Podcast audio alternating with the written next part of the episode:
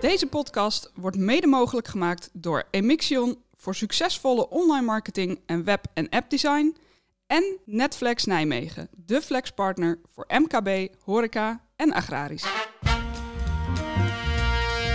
Dit is In, de podcast. Met Raymond Jansen. Het was de week dat burgemeester Bruls in het tv-programma Buitenhof zijn irritatie uitsprak over het nieuwe coalitieakkoord in relatie tot zijn stad. En de week dat winkeliers in zijn stad overwegen toch open te gaan, ondanks de geldende maatregelen. En het was ook de week dat bewoners van gevaarlijke straten van Nijmegen een lang verwachte verkeersonderzoek krijgen. Hij is coach van burgemeesters, begeleidt gemeenteraden en colleges tijdens hun werk en heeft een uitgesproken mening over de democratie en het openbaar bestuur. Hij noemt zichzelf dualisme-drammer, maar ziet politiek meer als een duet. Mijn gast van deze week is directeur van het Pericles Instituut in Rotterdam, John Bell. Mijn naam is Raymond Jansen en met nog 68 dagen tot de verkiezingen is dit jaar voor 2 aflevering 39 van In de Podcast. Zo dadelijk wat is opgevallen in het nieuws, maar eerst een warm welkom aan de nieuwe vrienden van de show. Dat zijn luisteraars die via een donatie deze podcast mede mogelijk maken. Veel dank daarvoor. Deze week onder meer dank aan Richard. Wil je ook vriend van de show worden? Ga naar indepodcast.nl slash petje af en geef je op. Ja, meneer Bel, welkom in de podcast. Een bijzondere gast bent u, directeur van het Pericles Instituut. Leg eerst even uit, wat doet dat instituut? Het uh, Pericles Instituut helpt gemeenten om uh, de politieke besluitvorming te verbeteren. Dus dat betekent dat we met heel de gemeenteraad werken aan bijvoorbeeld een vergadermodel. Of wat is nou de manier van vergaderen die bij ons past? Of wat verwacht je nou precies van het college? Uh, maar ook hoe je omgaat met dat politieke ambt. Er komt nogal wat op straks nieuwe leden af. En het is groot genoeg om straks weer met flink wat gemeenteraden samen te gaan werken. Om een goede start te maken. Het hoogste orgaan van de gemeente te zijn. Klinkt als een enorme opgave. Ja, is het ook. Ja, ik ben zelf oud raadslid. Uh, en uh, ja, achteraf gezien redelijk naïef over wat het ambt allemaal van mij zou vragen. Ik dacht namelijk, als ik nou maar gewoon vier jaar lang vertel wat ik ervan vind, dan doe ik mijn werk goed. Ja. Het blijkt toch flink wat ingewikkelder te zijn dan dat. Uh, en goed met elkaar van mening verschillen is ook nog wel eens moeilijk. ja, en daar probeer ik gemeenteraden dus ja. een beetje bij te helpen. Ja, politiek is iets anders dan je mening verkondigen. Ja, ja mening roepen kan vrijwel iedereen. Het enige wat je daarvoor nodig hebt is een Twitter-account. Maar ervoor zorgen dat je met elkaar een goed debat voert over hoe je het sociaal domein gaat inrichten. Of wat er verwacht mag worden van een nieuw stadsplein. Dat is even een stukje pittiger. Ja. Mijn eerste vraag, normaal gesproken, is: uh, wat is u opgevallen in het lokale nieuws? Nou, uh, bent u geen inwoner van Nijmegen, dus die vraag ga ik niet aan u stellen. Maar misschien kunt u toch iets zeggen. Het is zoetjes aan campagnetijd aan het worden. Zojuist is het nieuwe kabinet beëdigd. Is er in uw werkgebied iets opgevallen waarvan u zegt dat is het vermelden waard? Ja, wat me vooral is opgevallen is het wegblijven van het woord gemeenten tot nu toe in uh, datgene wat er voorafgaand aan deze kabinetsformatie en die beëdiging heeft uh, plaatsgevonden. Ze komen er karig vanaf. Ze komen er heel karig vanaf en dat is uh, best wel zorgwekkend. er lag natuurlijk al een tijdje een coalitieakkoord. Het lag er al sinds, sinds december. Nou ja, het woord gemeenten komt daar bijzonder weinig in voor. En als het erin voorkomt, dan is het toch wel een, een beetje gemeente moeten dit, gemeente moeten dat. Uh, tegelijkertijd gaat het in vrijwel alle gemeenten uh, bijzonder slecht. Uh, omdat ze gewoon te weinig geld hebben gekregen van het Rijk. Ja. Meer taken, minder geld. En het wordt moeilijk. De gemeenten die niet over de bodem van de schatkist aan het schrapen zijn die zijn, uit, dat zijn uitzonderingen. Ja. Afgelopen zondag in Buitenhof deden Jan van Zanen, um, voorzitter van ja. de VNG, maar ook burgemeester van Den Haag, en Hubert Bruls daar hun be beklag over. En terecht. Ja. ja, die maken zich grote zorgen. En ja. ik maak me ook grote zorgen, zeker omdat er een campagne aan zit te komen. Waar uh, politici toch moeten gaan uitleggen over wat er moet veranderen in uh, de stad. Maar er zijn gemeenten, ja, Nijmegen dan gelukkig even niet, maar er zijn gemeenten die uh, al haast moeite hebben om hun wettelijke taken goed. Ja. En fatsoenlijk uit te voeren. Ja. Dus wat ga je dan in de campagne doen? Nou ja, want die wettelijke taken, zijn natuurlijk paar jaar geleden een heleboel taken vanuit uh, de overheid bij de gemeentes over de schutting gegooid. De afgelopen twintig jaar zelfs al. Ja, de zogenaamde decentralisatie. Um, zorgt dat ook echt voor problemen bij die gemeentes? Nou, uh, op zich zijn gemeenten goed in staat om die taken uit te voeren. Maar dan moet je er wel fatsoenlijk ja, het budget voor krijgen. Financieel, ja. Het is uh, haast een goed bewaard gebleven geheim dat gemeenten voor gemiddeld genomen voor de helft afhankelijk zijn van de inkomen uh, van het in, voor, voor een inkomen van, van het Rijk. Dat is het zogeheten gemeentefonds. Ja. Jaarlijks is er een pot met geld beschikbaar die via een hele ingewikkelde formule verdeeld wordt over alle 346 gemeenten. Want het zijn er nog maar 346. Ja. Um, en uh, er zit gewoon te weinig in die pot met geld. Dus elke verdeling is altijd problematisch. Uh, die andere helft is overigens ook niet zo heel erg uh, super. Dat, daar gaan gemeenten dan zelf voor. Maar ze hebben nauwelijks invloed op de hoogte van de inkomsten.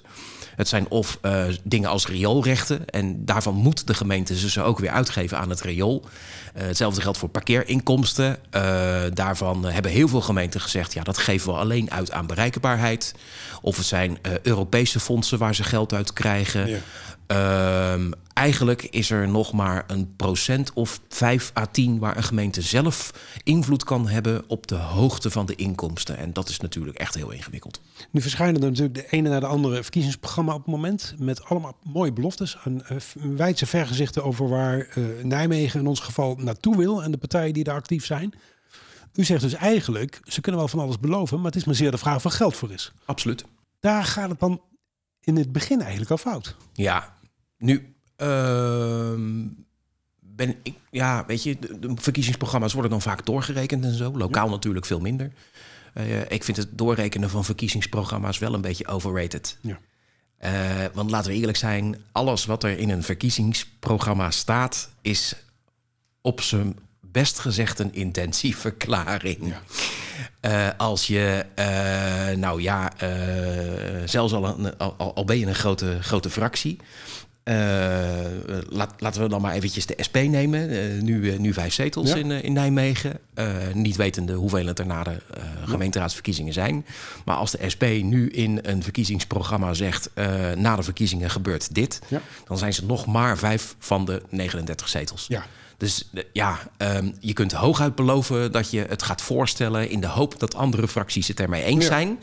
En dan gebeurt het misschien. Ja. Dus um, uh, ja, um, die, die, beloftes die in verkiezingsprogramma's worden gemaakt, haast in, in, in voltooid tegenwoordige tijd. Uh, dat, dat moet je echt met een enorme korrel zout nemen. Neemt niet weg dat uh, het alleen maar des te spannender wordt of dingen ook daadwerkelijk gaan gebeuren. Want alle andere partijen stellen ook plannen voor. En die fracties die gaan die plannen straks ook inbrengen. Uh, ja, en de euro, de euro is al zo vaak omgedraaid. Ik weet niet of u er nog meer van kan maken. Dit is In, de podcast. Ja, meneer Bel, wij hebben het in deze podcast heel vaak over de gemeente, over de gemeenteraad. We hebben over het college. Uh, misschien is het goed om, nu we toch aan tafel zitten, eerst eens met een soort definitie uh, te beginnen. Wat is en wat doet de gemeenteraad van een gemeente? Ja, een gemeenteraad is eigenlijk een club mensen die namens de bevolking de opdracht heeft gekregen om zoveel mogelijk met elkaar van mening te verschillen. Ja. Ik moet nog een stapje verder terug. Uh, en dan moet je je afvragen wat democratie nou precies is. Wat mij betreft is democratie uh, in beginsel de erkenning dat we gewoon niet hetzelfde willen.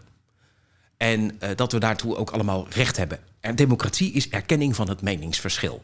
Uh, moet je nou eens voorstellen dat wij uh, uh, moeten bepalen hoe lang deze podcast moet gaan duren.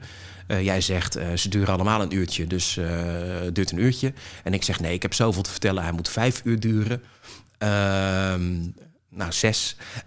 en dan gaan wij met elkaar over discussiëren hoe lang die podcast moet, moet duren. En we moeten wel in beginsel elkaar respecteren dat we er samen uit moeten komen. Dat is de essentie van democratie. We vinden verschillende dingen en we gaan samen het gesprek voeren over wat de beste oplossing is. Dan kan het zijn dat jij mij overtuigt. Dat ik denk van, nou ja, oké, goed, dat is altijd een uurtje. En dan maken we gewoon uh, uh, een uurtje podcast. Ik vertel wat minder. Het kan ook zijn dat we een, uh, een, een, compromis doen. dan, dan zeg jij van, nou oké, de vorige keer was het een uur en dan wordt het nu twee uur. En dan heb ik niet helemaal mijn zin gekregen, jij niet helemaal je zin gekregen. Maar dat kan ook een uitkomst zijn van democratie. Het kan ook zijn dat we iets innovatiefs bedenken. Dus we maken vijf afleveringen of zes afleveringen. En dan zijn we er ook uitgekomen. Maar dan moet je wel dat gesprek aangaan. Dus de essentie van democratie is goed met elkaar van mening verschillen. De zoektocht naar het compromis, daar klinkt daar ook in door. Nou, nee, naar consensus. Okay. Want compromissen zijn eigenlijk de meest laffe uitkomst van, van een politieke proces. Ehm, een, een, een uitkomst waarvan iedereen die het voorstel steunt zegt: Ja, ik zie mijn idealen hierin vertegenwoordigd. Uh, dat, dat is het mooiste, dat is het best haalbare van een, een democratie. Ja. Uh, toegegeven, dat lukt niet altijd. Want op het moment dat D66 en de SGP met elkaar een debat moeten voeren over uh, de zondagopenstelling. Ja. Uh, of dat je met de PVV en met GroenLinks een debat voert over uh, windmolens of zondeweiders. Dan, dan weet je dat die nooit echt tot een, een gezamenlijke uitkomst nee. komen. Maar als dat gaat over bijvoorbeeld het ondersteunen van winkelstraten in coronatijd. Ja, dan kan het best zijn dat ondanks dat de meningsverschillen uit elkaar lagen. dat je toch een oplossing met elkaar kan bedenken. waarvan iedereen zegt: ja, hier kan ik achter staan. En uh, daar moet je voor blijven strijden. In de wetenschap dat niet altijd lukt, is consensus het hoogste wat je kan bereiken. Dat is de gemeenteraad. De gemeenteraad is dus het hoogste orgaan. Daar wordt vaak op gewezen. Realiseren we ons eigenlijk altijd wel dat het ook echt zo is? Nou, niet genoeg. Uh, je ziet te veel uh, dat de gemeenteraad niet wordt aangesproken op die gezamenlijke verantwoordelijkheid het hoogste bestuursorgaan te zijn. Want dat betekent nogal wat. Het betekent echt dat de gemeenteraad de baas is. Wie moet die gemeenteraad daarop aanspreken? Nou, je begint zonder kiezer. Ja. Maar ook een college zou vaker een gemeenteraad ergens erop moeten wijzen dat het toch echt de gemeenteraad is die een uitspraak moet, moet nemen. Ik vind dat wethouders, uh, colleges, het zichzelf vaak te moeilijk maken door verantwoordelijkheid naar zich toe te trekken. Dan uh, uh, krijg je een halfbakken opdracht van... Uh, nou ja, kijk maar, kom maar met een plannetje... over hoe die nieuwbouwwijk, nieuwbouwwijk eruit moet gaan zien. En dan komt die wethouder met een plan... waar hij stevig over heeft nagedacht met zijn beleidsambtenaren... misschien burgers goed bij betrokken heeft. En dan zegt die gemeenteraad, we vinden, ja, we vinden het niks. En dan eigenlijk zou je als wethouder moeten zeggen... ja, hoor eens, kom dan zelf ook eens een keertje... met wat voor uitgangspunten je zou willen...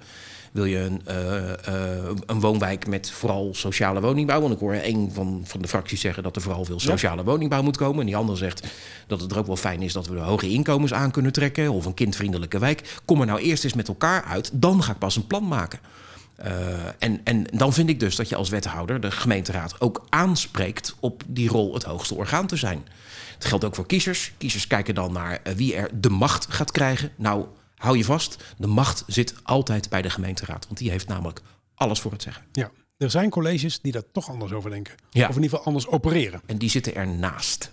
En waarom ze die ruimte krijgen, is omdat de gemeenteraad het dan soms zelf ook wel een klein beetje gemakkelijk vindt. Als het college de hete uh, aardappel uh, blijft vasthouden. En dan gooien ze hem gauw terug op het moment dat het, het college hem naar de raad toe, toe miepert. Um, maar het is niet zoals het hoort. Nee. Uh, en het is ook slechte democratie, want iets wat een wethouder uh, bedenkt kan nooit beter zijn dan wanneer de volksvertegenwoordiging er gezaghebbend over heeft gedebatteerd. We hebben een mooi bruggetje naar het dualisme.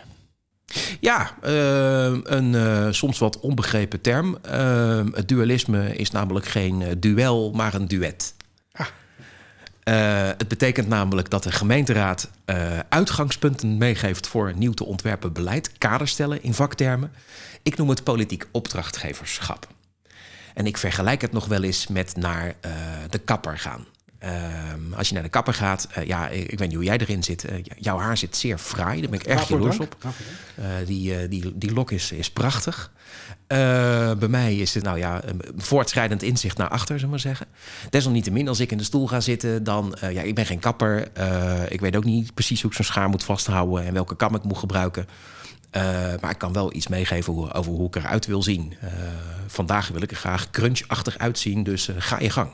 Nou, dat zal in mijn geval denk ik niet een, een opmerking maken, zijn die ik graag zou maken. Maar bijvoorbeeld wel degelijk, maar ook weer niet een beetje te, te zakelijk. Of ik wil er niet uitzien als Jan-Peter Balkenende. Ja. Um, een duidelijke opdracht. Een duidelijke opdracht. Een, een opdracht over de wenselijkheid van het eindresultaat. En dan is het de uh, vakbekwaamheid van de kapper om daar zo goed mogelijk invulling aan te geven. Nou, het werkt met duale politiek net zo. Een gemeenteraad zegt: uh, wij willen graag een uh, plein wat meteen laat zien dat je welkom wordt geheten in de stad. Nou, dan kan het zijn dat je echt geen flauw idee hebt wat dat betekent als wethouder. En dan moet je dat vragen. Wat bedoel je daarmee? En daar wordt dan een debat over gevoerd. En dan langzaam ontstaan er uitgangspunten, het kader voor het politieke beleid. En op het moment dat de wethouder dan terugkomt, dan heb je als gemeenteraad eigenlijk maar één ding te doen. En dat is de, de, de vraag te stellen: is dit nou wat we gevraagd hebben? Zo ja, door. Zo nee, misschien nog een debatje. Nu heb ik op uw social media wel eens een afbeelding gezien van een t-shirt. Dat me in eerste instantie aan Rob deed denken, maar daarop de tekst klimaatdrammer. U heeft er een met daarop de tekst dualisme drammer. Absoluut. het, het, belang daarvan. Rob heeft er ook een. Oh, kijk. Het, belang daarvan kan u blijkbaar niet genoeg worden benadrukt. Nee, duale politiek is wat mij betreft dus ook uh, de bevestiging eh, dat het debat het belangrijkste is wat in een democratie hoort te gebeuren. Ja. Uh, stemmen is niet het meest interessante in een democratie. Want je zou namelijk democratie ook op andere manieren kunnen doen, met loting, zoals David van Rijbelk een keer heeft voorgesteld. Nou, niet helemaal mijn ding, maar dat is misschien een, een ander verhaal. Je zou ook voor het leven benoemde volksvertegenwoordigers, hè, zoals we voor 1848 deden in dit land. Oh. Er werden raadsleden voor het leven benoemd door uh, uh, zijn majesteit.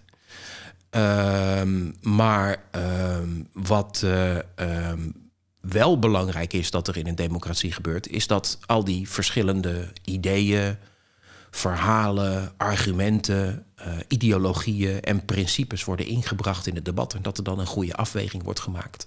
Nou, dat kan je niet van één wethouder vragen, of zelfs niet van een college, maar wel van een gemeenteraad van de volksvertegenwoordiging. Uh, de staat, je haalde de grondwet er net bij, artikel 125. De raad is het, uh, het hoogste orgaan in het gemeentebestuur. net zo belangrijk is voor mij artikel 7 van de gemeentewet, waarin staat dat de gemeenteraad alle inwoners van de bevolking vertegenwoordigt. En dat betekent dus dat het de taak is van de gemeenteraad, niet van een gemeenteraadslid, van een gemeenteraad om de gemoederen en verhalen en argumenten die leven in de samenleving terug te brengen, laten komen in het debat. En dan hoor ik ze juist zeggen, de raad vindt het ook wel eens gemakkelijk wanneer het college uh, een wat meer sturende rol heeft in het geheel. Bedoelt het dan ik vind dat een lakse raad. Ja, en hebben we het dan met name over coalitiepartijen of juist ook wel van oppositiepartijen? Als het gaat over politiek, dan uh, gaat het vaak over partijen of over fracties of over coalities laten die, die drie woorden nu niet eens in ons staatsrecht voorkomen. Maar wel in de politieke praktijk? Ja, ja daar zouden we misschien wel eens een keertje van af moeten om die woorden zo vaak te gebruiken. Uh, een goed besluit is waar de Raad over heeft gedebatteerd. Een slecht besluit is, is waarvan de coalitie zegt we steunen de wethouder. Uh, want dan weet je namelijk niet welke afweging er is gemaakt. Maar die kun, die kun je uitleggen. Die kun je, je kunt er een stemverklaring. Je kunt een... Ja, maar ik heb ook wel eens. Ik, ik, heb aardig wat gemeenteraadsvergaderingen gezien. Uh, al is het maar voor mijn, mijn column in binnenlands bestuur. Maar, ja. Uh, ja, coronatijd was even ingewikkeld. Maar uh, de afgelopen tien jaar toch elke week bij een raadsvergadering mee geweest om daar een, een, stukje over te maken. De slechtste raadsvergaderingen die ik heb bijgewoond is waar ik niet anders dan tot de conclusie kom, kan komen dat het voorstel is aangenomen omdat de coalitie voor was en niet eens weet met welke argumenten. Um, dat, dat is slechte politiek. Gebeurt dat veel? Nou, het, het valt wel mee. Uh, de slechtste raadsvergaderingen die ik heb bijgewoond, die dus echt zo scoorden, ja, uh, 5%, de bottom 5%. Ja.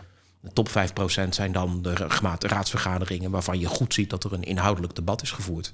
En dan kan het prima zijn dat de coalitie uiteindelijk zegt wij stemmen allemaal voor en dat de oppositie uh, zegt wij stemmen allemaal tegen. Dat kan de uitkomst zijn. Ja. Maar dan weet je in ieder geval met welke argumenten. Die slechte politiek concentreert hij zich, ik maak het ontzettend algemeen, realiseer ik me, uh, uh, rondom kleinere gemeentes en die betere afgelopen nee. politiek rondom grote? Of maakt dat Totaal niet uit? Totaal niet. Nee? nee? ik heb geen correlatie kunnen ontdekken in gemeentegrootte en kwaliteit van de politiek. Ze zeggen wel eens, iedere gemeente krijgt de bestuurders die ze verdient. Ja, nou, dat, daar, daar valt wat voor te zeggen. Uh, de kwaliteit van een gemeenteraad is uh, afhankelijk van uh, met name de cultuur. En dat, die moet je in drieën knippen, denk ik. Uh, het woord bestuurscultuur is iets te veel gevallen in de afgelopen 300 dagen in de uh, coalitievorming op het Binnenhof. bestuurscultuur is eigenlijk een beetje ook de, de, de verhouding tussen college en, en raad. maar er is ook zoiets als parlementaire cultuur.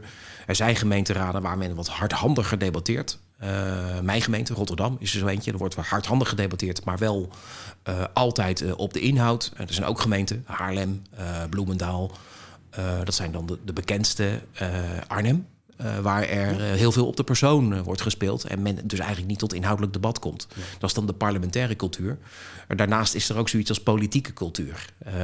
dat is een beetje de manier waarop de samenleving kijkt naar de politiek. Of misschien wel de gemeenteraad. Ja. Um, en, en die ontstaat in een ingewikkeld construct met uh, nou ja, uh, demografische kwaliteiten, uh, de grootte van het gebied, het aantal kernen. is er ooit een herindeling geweest? nou ja, maatschappelijk leven. Zij is er een groot verenigingsleven? hoe kijken mensen aan tegen, tegen politieke partijen? Zijn er veel mensen lid van? Zijn er veel lokale partijen die een grote participatie kennen? Uh, dat is heel ingewikkeld. Ik weet ook niet precies wat het recept daartoe is. Nee. Maar dat maakt een beetje hoe een gemeenteraad in elkaar steekt. We refereert dus juist ook aan het feit dat de gemeenteraad ten alle tijde de bevolking moet vertegenwoordigen. Welke verantwoordelijkheid ligt daarvoor? Ook bij de inwoner, bij de bevolking zelf, behalve dat ze moeten gaan stemmen. Ja, um, waar je als uh, politicus niets aan hebt, is uh, de, de burger die uh, zich nergens voor interesseert en niet bereikbaar is. En dus ook niet gaat stemmen. En dus niet gaat stemmen. Of misschien wel gaat stemmen, maar dan bijvoorbeeld gaat stemmen op uh, de SP omdat ze Lilianne Reinissen zo goed vinden. Ja. Ja, daar heb je als, als volksvertegenwoordiger echt helemaal niets aan. Want dan weet je namelijk niet wat iemand wil. Het beeld ontstaat dat veel mensen die voor de lokale politiek gaan stemmen zich richten op de landelijke politiek. Maar dat is niet zo. nee, dit is niet zo. Uit het Nationaal Kiezersonderzoek blijkt dat zo'n 15 tot 25 procent van alle kiezers zich uitsluitend richten op wat er landelijk gebeurt. Die, die stemmen dus echt niet op D66 omdat ze vinden dat Sigrid Kaag het verkloot heeft. Nee. Uh, mag ik dat zeggen overigens? Ja, ik heb het al gedaan eigenlijk. Ja, ja, ja. Okay. Um, en die, die dus echt ook gewoon niet weten wat er speelt. natuurlijk voor wat er landelijk gebeurt en er dus ook het meest in het nieuws is, bepaalt voor een groot gedeelte ook wel het imago van een politieke partij. En dat straalt af op de lokale afdeling. Uh, maar uh, mensen kijken dan toch naar wie de kandidaten zijn, of ze die leuk vinden of aardig vinden, of, ze vinden dat de plannen goed zijn. Uh, je ziet bijvoorbeeld dat mensen steeds vaker op lokale partijen stemmen. Hè. Dus lokale partijen hebben zo ongeveer een derde van alle zetels. Dus het, het is veel genuanceerder dat men alleen maar naar Den Haag kijkt, wat nog wel eens wordt beweerd. Terugbladeren. Net als elke week bladert Rob Jaspers ook deze week terug door oude kranten op zoek naar onderwerpen die actueel blijven. Rob, wat heb je deze week? Ja, eh, de fiets. De, fiets, ja, hij staat in ongeveer in elk verkiezingsprogramma uitgebreid. Er moet meer ruimte komen voor de fiets. Uh, uh, ook de Gelderlander heeft er uitgebreid over geschreven. we zijn in een andere wereld terechtgekomen met e-bikes, met bakfietsen. Dat is een groei, een enorme groei. als je kijkt naar cijfers, dan zie je dat in 2019 was er een groei 2019 van 21% van fietsers op fietspaden. Uh, en, en ja, corona heeft dat misschien zelfs nog op sommige plekken verhoogd. Behalve dan natuurlijk de fietsers die naar de universiteit uh, gaan en de hogeschool. Maar je ziet een enorme groei. Dat moet iets gebeuren. Ja, fietsfiles zelfs, hè? Fietsfiles zelfs, ja. En, en dan denk je van, uh, god, als je dan leest in 2021... de fiets moet meer ruimte krijgen in de programma's. God, dan lees ik terug in 2010 geeft de fiets echt meer ruimte. Met het streepje bovenop die E van echt meer ruimte. Dat was uh, de, de, Fietsersbond die zei van jongens, de fietsers groeien. En, en ook de uitleg, 10% meer fietsen betekent 15% minder fileuren. We hebben bredere fietspaden nodig, was een oproep. Uh, uh, en, en, en daarvoor overigens, om even aan te geven, in 2007 was er al een enorm groot verhaal geweest, een oproep. De Heijendaalse weg is veel te smal. Ja. Kom op jongens, doe iets. Nou, die Heindaalseweg, die is eigenlijk pas de afgelopen jaren is daar wat uh, gebeurd. Bij GroenLinks uh, werd wel eens gepleit om alternatieve routes voor de fiets te bedenken. En bijvoorbeeld Heindaalseweg, je legt de parallelwegen die erachter lopen, dat maak je een fietsbaan en je legt een nieuwe spoor, fiets, uh, fietsbrug over de spoorbrug naar de universiteit. Dan scheid je dat verkeer ja. van, en, en ik weet in Groningen hebben ze dat wel eens uitgeprobeerd, hebben ze aan eerstejaars uitgelegd, je hoeft niet die standaard routes te hebben. Hè. ik kwam binnen, zeiden ze, daar is de Stevenstoren en dan rij je recht naartoe zo leerde je de stad niet kennen, maar je moet afwijken. En in Groningen gaven ze mensen, studenten gaven ze kaarten van de stad mee om alternatieve routes te ontdekken. En dan kun je veel beter spreiden. En dat zou je eigenlijk hier ook moeten doen. Laat die andere fietsroutes zien, zodat je de drukte kunt uh, verminderen. Maar wat wel moet gebeuren, zeker nu, eenrichtingsverkeer voor auto's op sommige wegen en echt bredere fietspaden. Want als je nu ziet, je struikelt uh, over elkaar heen. Ja. Uh, zelfs als je de snelheid terugbrengt naar 30, wat, een som, wat geroepen wordt in veel programma's en wijken, dan nog is het heel erg lastig. En met een bakfiets, fiets, elektrische fiets, daar heb je ruimte nodig. En ja, wil er iemand langs, dat, dat, dat, dus je moet echt nadenken. En ik vind dat het te traag gaat dus. Toch even, want het, blijft een eeuwige strijd tussen de automobilist en de, en de fietser. En uh, dat auto, autoverkeer dat moet natuurlijk terug, uh, teruggedrongen worden. Dat begrijpt iedereen als je een beetje kijkt naar de milieuomstandigheden en de klimaatomstandigheden.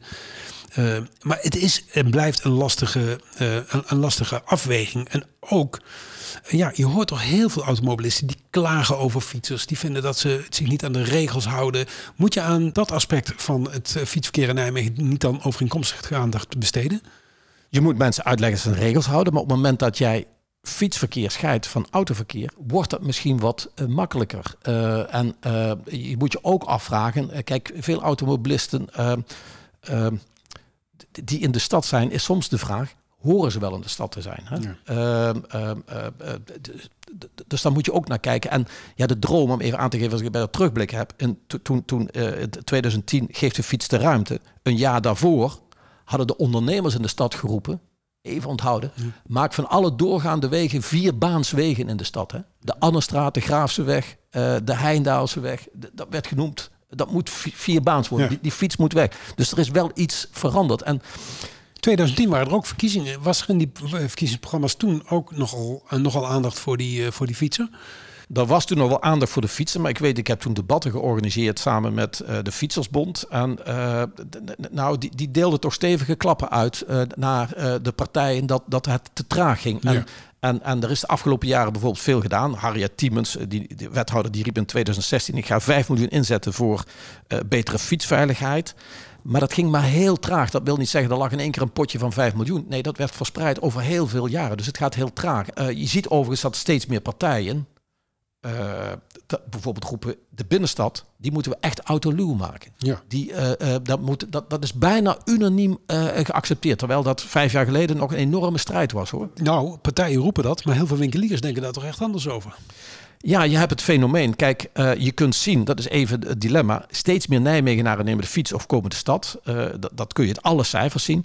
Maar de binnenstad profiteert natuurlijk ook van de mensen die uit uh, Malden komen, die uit het land van Maas en Waal komen, die uit de Betuwe komen. Dus hoe zet je die neer? En dan moet je weer, dat lees je overigens ook bij veel partijen terug, slimme oplossingen door aan de randen grote parkeerplekken neer te zetten, door mensen te laten overstappen of op een snelrijdende bus of op uh, misschien wel e-bikes. Je ziet op steeds meer plekken. Ja. We, we, moeten met verhuur van, van e-bikes uh, uh, komen. Dus dat loopt nog niet echt. Hè?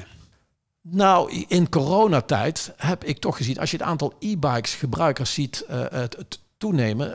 Maar, maar, wat je vooral moet doen, ik zeg altijd, ik ben van de huis uit geograaf. Je moet mensen de stad leren kennen. Leer de mensen de stad kennen. Geef ze die alternatieve routes. Dit is In, de podcast. Mijn gast is eh, John Bijl, directeur van het Pericles Instituut, kenner van gemeenteraden en gemeentepolitiek.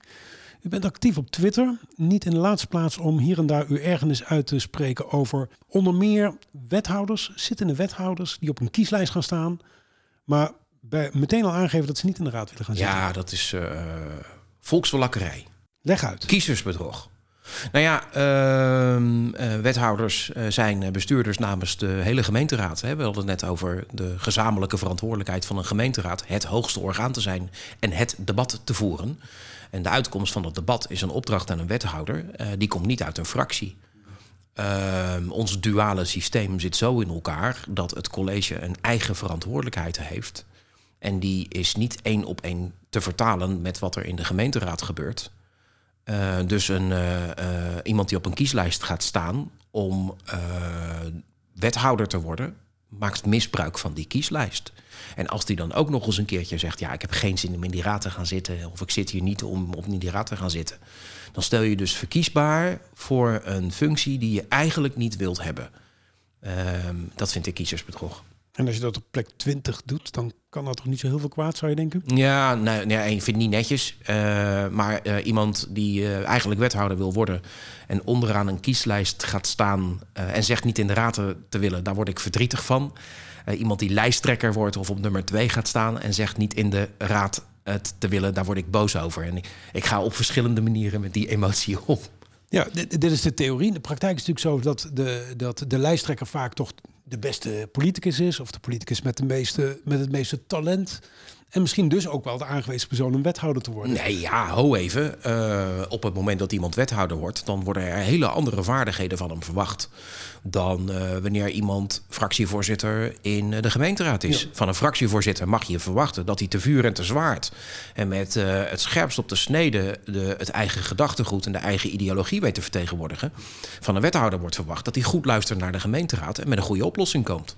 Een wethouder die alleen maar is met zijn eigen politieke agenda, is een slechte wethouder. Ja. Xander van der Wulp kreeg ook een tik op de vingers van u vanwege zijn opmerking dat er vier partijen in het kabinet uh, zitten. U bent streng in de leren. Ja, ik ben daar uh, fundamenteel in. Uh, ik ben aan het radicaliseren op dit punt. Uh, gelukkig wordt mijn radicalisering gesteund door de grondwet die al sinds 1848 bestaat. Dus uh, radicaliseren avant la lettre dan misschien wel. het, uh, het, het, punt is, uh, in een democratie, een democratie werkt het best wanneer er fatsoenlijk wordt gedebatteerd en uiteindelijk een afweging wordt gemaakt. En dat er te vaak alleen al wordt geïnsinueerd dat een politieke besluitvorming ontstaat vanwege machinaties of dat mensen democratie misbruiken om machtsposities te krijgen. Want dat gebeurt er op het moment dat een lijsttrekker zegt niet in de raad te willen, maar wel wethouder te worden, dan word ik boos. Want dan vind ik dat in mijn principes wordt aangetast en dat onze democratie niet goed uh, functioneert. Ja, machtspolitiek? Absoluut, absoluut. Op het moment dat jij denkt, ja, ik wil gewoon uh, de macht om uh, te doen wat, wat ik wil, dan hou je dus geen rekening meer met de belangen van een ander. En de essentie van democratie en samenleven in een democratische samenleving is dat je rekening houdt met de belangen van een ander en snapt dat iemand anders ook iets anders wil. Nou ja, nu we het er dan toch over hebben, in tijden van polarisatie is het alleen maar des te belangrijker om daarop te blijven hameren, met elkaar in gesprek blijven. En er zijn te veel krachten, zelfs in het midden, die niet meer lijken te snappen dat iemand anders er wel eens anders over zou kunnen denken. Ja. En dan luisteren we niet meer naar elkaar. En dat is slecht. Ik kan wel raden naar uw standpunt over lijstduwers in dat verband. Ja, not a fan. Nee, hè? Nee, ik vind het wat, uh, een wat goedkope marketingtruc. Je hebt het natuurlijk over lijstduwers die uh, met enige faam elders uh, op een kieslijst gaat staan omdat ze de partij steunen. Uh, ja, jullie hebben er een in Nijmegen. We hebben Tim de Boswachter. ja. Voor de Partij voor de Dieren. Ik ken hem van Twitter. Ja, hij heeft nadrukkelijk gezegd: um, ja, ik wil mijn best doen voor de partij. Ja. Maar ik ga niet in de raad. Ja, ja nou, ik, Hij is daar in ieder geval eerlijk over. prijzenswaardig dat uh, ook bekende Nederlanders hun uh, politieke voorkeur uitspreken en een partij steunen. Zoals uh, meerdere dat, dat, dat doen. Gordon, die al jaren roept: Ik ben een VVD. Ja, dat, ik geloof dat het uit is tussen die twee, maar vooruit. Het is wel vaker uit met Gordon. En zo zijn er meer. exact, ja. Um, er zijn meer bekende Nederlanders die hun, hun politieke voorkeur en hun steun voor een bepaalde, bepaalde politieke vereniging niet onder stoelen of banken steken. Maar waarom moet dat leiden tot een plek op de lijst? Waarom is dat nodig? Ik vind dat misbruik van die kieslijst. Ik vind namelijk nogal wat om kandidaat te zijn voor het hoogste orgaan van de gemeente, dan wel de provincie, dan wel het land. Uh, dat, is, wat waard. Je vraagt nogal wat. Je vraagt het vertrouwen om vier jaar het beste te doen voor de stad. Uh, ja, dat is toch iets anders dan een, uh, een goedkoop marketingtrucje. Dus doe het lekker niet. Laten we de kieslijst gebruiken waar die voor bedoeld is. Voor kandidaten. Dus helemaal klaar met, met lijstduwers? Nooit meer ja, doen? ja, nou ja, je, je hoeft toch niet op de lijst te staan om je steun uit te... wat mij betreft laat, maakt de Partij voor de Dieren 50.000 folders met het gezicht van boswachter Tim erop. En gaan ze die in elke brievenbus die ze kunnen vinden stoppen met boswachter Tim steunt de Partij van de Dieren. Maar laat die kieslijst lekker voor kandidaten. Iets anders, burgerparticipatie is natuurlijk een veel gehoord woord in gemeentes. Veel burgers vinden ook dat ze te slecht gehoord worden uh, door de gemeente. Is dat ook uw indruk? Ja, ja. Uh, participatie is een beetje een uh, jargonnerig containerbegrip geworden, want het is namelijk ingewikkeld. Ja. Zijn de afgelopen vijf à tien jaar flink wat experimenten geweest met hoe je participatie het best organiseert. Uh, en het blijkt nog niet zo makkelijk. Eén, op het moment dat je iets organiseert, moet je duidelijk maken als, als overheid wat dat nou precies betekent. Zo zag ik bijeenkomsten waar mensen dachten dat ze de gemeente wel eens eventjes konden gaan vertellen hoe het wel moet. Ja. Uh, en ja, laten we eerlijk zijn, als daar dan 200 mensen in de zaal zitten, dan is dat niet echt een afspiegeling van de samenleving. Nee. Uh, het is niet voor niks dat we met een gekozen volksvertegenwoordiging besluiten dat daar het debat wordt gevoerd. want die zouden wel alle inwoners moeten vertegenwoordigen. Nog niet zo lang geleden in de Nijmeegse Raad was er een raadslid dat zei... participatie is iets anders dan uiteindelijk je gelijk krijgen of je zin krijgen. Dat is punt twee. Ja, Ja? ja eh, er- er zijn te veel mensen die denken dat als er nou maar participatie is, dat we burgers daarmee hun zin geven. Ja. Maar zo werkt het niet. Ehm, je ziet ook dat eh, er zijn veel onderzoek gedaan, evaluaties van participatieve trajecten. Eh Evelien Tonkens heeft daar al die, die G1000 bijeenkomsten heeft eens nagekeken. Ja. Ja. en dan zie je dat er in de zaal gewoon geen afspiegeling van de bevolking zit. G1000 zijn bijeenkomsten van... Ja, de, de bedoeling is duizend burgers, Ja? soms gelood. Eh, nou, meestal komen er aanzienlijk minder. En de usual suspects vaak. Eh, en vaak de usual suspects, ja, beroepsburgers, Ja. zoals ik ze graag noem. Oh ja. Ehm, die zelf ook eh, goed zijn ingevoerd en een duidelijke politieke oriëntatie hebben. Ja. Ehm, maar ja, heb, heb je dan de samenleving laten participeren? Ingewikkeld. Andere, aan de andere kant, ehm, je hoort ook wel eens de opmerking dat je burgers eens per vier jaar raadpleegt, namelijk tijdens de verkiezingen. En daarna moeten ze vier jaar hun mond houden en, eh, eh, en, en pas weer terugkomen als er weer verkiezingen zijn. Dus de, het doel In van... theorie zou het zo kunnen Ja, werken ja. natuurlijk. Ja, en dan heb je... Nee, ja, maar dat is toch ook een beetje de essentie van een vertegenwoordigende democratie. Ik bedoel, eh, laten we eerlijk zijn.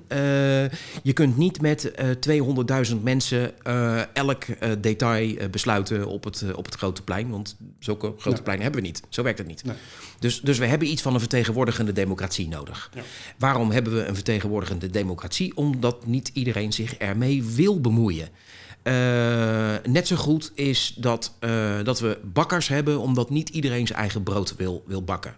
Geloof me, ik, ik kan best aardig een brood bakken. Eh, Ik vind het ook nog wel leuk om te doen. Eh, zelf kneden, niet met zo'n broodbakmachientje. hè. Ik bedoel, want dat is, dat is voor, voor, voor prutsers. Eh, maar gewoon zelf roggen, een beetje bloem, een beetje kummel, een beetje yoghurt. heb je een prachtig New Yorks roggebrood.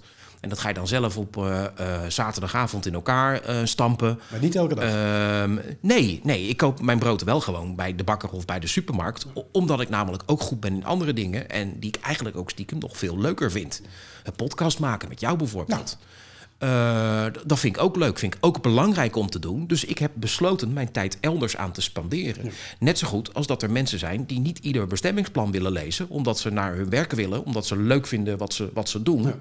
Ehm, en, en dat er mensen zijn die het wel leuk vinden om al die bestemmingsplan te lezen. Dat noemen we dan raadsleden. Totdat dat, eh, in dat bestemmingsplan te lezen is dat er een eh, flat van negen verdiepingen gaat worden gebouwd tegenover de woning van een inwoner. En dan staat hij in één keer aan de deur te rammelen. Ja, en dan is het dus wel de opdracht van die volksvertegenwoordiging om afwegingen te maken. Dan kan het best zijn dat die flat er komt, maar daar hoort dan wel een uitleg bij. Ja. Ehm, ja, eh, die flat moet er komen omdat eh, heel veel eh, woning, woningzoekenden nu naar elders vertrekken en dus niet meer in de buurt kunnen wonen van bijvoorbeeld hun werk. Eh, je, je ziet dat in grote steden, het is een heel actueel dossier. Ja. Dat er eh, mensen die eh, bijvoorbeeld werkzaam zijn in het onderwijs of in de zorg, ja, dat, dat, dat zijn niet de allerhoogste inkomens in het land, maar dat die niet meer dicht bij hun werk kunnen wonen, gewoon omdat de woningen onbetaalbaar zijn. En, dat is een complex probleem met allerlei verschillende oorzaken, maar het is een groot probleem als onderwijzers niet meer in de stad kunnen wonen. Laten we eerlijk zijn. Eh, dus moet er woningbouw komen. En wordt er een debat gevoerd. En komt er misschien wel eens een keer een hoogbouwflat. Omdat woningen daar nu eenmaal Goedkoper goedkoper zijn. zijn. Eh, en eh, op het moment dat dan iemand zegt... ja, ik krijg een flat voor mijn deur... dan moet je hem dus uit kunnen leggen... dat dat voor het algemeen belang noodzakelijk is. Politiek moet uitleggen. Afwegen, uitleggen. En dat, dat is dus een zo'n primaire opdracht van een volksvertegenwoordiging... om een debat te voeren waarin die afwegingen dus ook worden gemaakt... die je dus kunt uitleggen. Dan kan het best zijn dat mensen het alsnog niet snappen. Dat kan. Het is eh, zeer denkbaar dat eh, de uitkomst, eh, hoe, goed bedacht ook van een politiek plan, dat er altijd door iemand tegen is. Al is het maar op Twitter.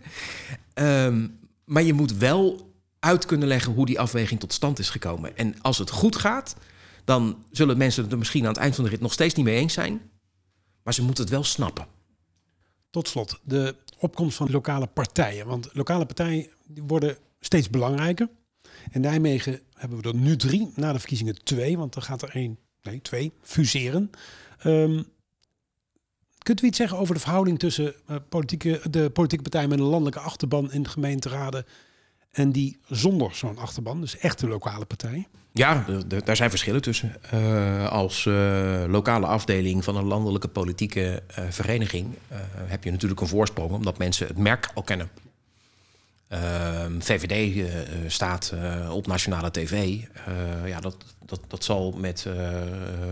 Welk, welke gaan fuseren en hoe gaan ze heten? De, de eh, voor Nijmegen.nu gaat fuseren met gewoon Nijmegen. Ja, een Die- stadspartij blijft En de dus. Stadspartij blijft. En die eerste twee die gaan verder onder de naam gewoon Nijmegen.nu. Oh, oké. Nou ja, dat, dat klinkt, als een compromis. Ja. Ehm, mm, eh, ehm, eh, ja, dat, dat label dat staat minder makkelijk natuurlijk in, op nationale tv. Dus da- daar sta je op een achterstand. Eh, het voordeel is, is dat je dus ook niet eh, afhankelijk bent van het, van het imago. Eh, zo- zagen we nog wel eens partijen groeien en kleiner worden op basis van wat er in Den Haag gebeurde. Nou, GroenLinks heeft zo'n golf meegemaakt. Ja. Jesse deed het goed, dus eh, daarom eh, kregen er, eh, zeker bijvoorbeeld in de grote steden, werd er vaak op GroenLinks gestemd. Ja, Nijmegen 11 zetels. Ja, exact.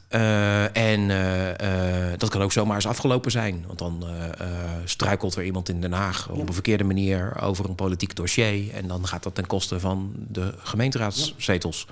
Dus, dus dat, dat is een wisselwerking. Ik zou haast kunnen zeggen dat heft elkaar op.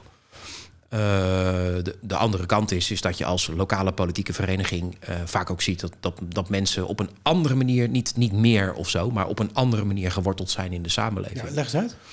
Ehm, dikke 90% van alle leden van eh, landelijke politieke partijen... die zijn lid geworden vanwege landelijke issues. En dan kan het zijn dat mensen doorgroeien, als je wil, naar de lokale politiek. Zo ben ik zelf ook begonnen. Ik ben ook lid geweest van de politieke partij. eh, Lid geworden van de politieke partij, omdat ik dacht... dat is een leuk gedachtegoed. Dat speelde rondom de Tweede Kamerverkiezingen. Later ben ik lokaal actief geworden, omdat ik me dus ook voor lokale politiek ging interesseren. En dat geldt voor 90% zo ongeveer van alle leden, misschien 95 zelfs, zeker niet minder, van alle eh, leden van, van politieke verenigingen. Eh, dat, dat is bij lokale partijen wel anders. Want je wordt niet lid omdat iemand het in Den Haag goed doet. Je wordt lid omdat je een lokale politieke vereniging wil, wil eh, steunen. Dus die eh, verbintenis is eerder begonnen. Niet groter, want dat durf ik ook niet te zeggen. Want ik ken mensen die gepassioneerd zijn over hun eigen gemeente. En wel lid zijn van een lokale politieke, van een landelijke politieke vereniging. Maar het is wel eerder begonnen. Eh, je ziet ook dat vaak de stijl van lokale politieke partijen iets anders is. Dat die veel meer eh, richting ombudspolitiek gaat en wat minder ideologisch is. Ook daar zit overigens wel een gevaar in. Je bent minder ideologisch aan elkaar gebonden. Het zijn ook vaker protestpartijen. Eh, die zich eh, boos maken over eh, één onderwerp. Ja. In Alkmaar had je ooit een keer de partij tegen de ijsbaan. Ja. Ja, Ja. oké. En in de Achterhoek vormen zich nu partijen die alleen maar tegen windmolens zijn, als ik me goed herinner. Exact, dat zijn grote politieke dossiers waarin mensen zich verenigen. Ehm, maar soms ook niets meer hebben dan dat. En, en dat maakt het dan meteen weer ingewikkeld. Tegelijkertijd zijn er heel veel politieke, lokale politieke verenigingen... wat stabiele factoren in de lokale politiek zijn. Eh, nou ja, de- het belangrijkste voorbeeld is uit de stad waar ik afkomstig ben. Leefbaar Rotterdam. Sinds 2002 al de grootste mm, ongeveer. Ja. Eén keer eh, gelijk met de PvdA, maar sinds die tijd een machtsfactor eh, in, eh, in de lokale politiek. En een stabiele partij die ook de volgende keer, eh, verwacht ik zo, eh, de grootste zal worden. En daar is niks mis mee, want het is namelijk gewoon een goede, stabiele politieke partij. Helemaal tot slot, eh, luisteraars van deze podcast luisteren ook om een beeld te krijgen van waar moet ik nou op gaan stemmen.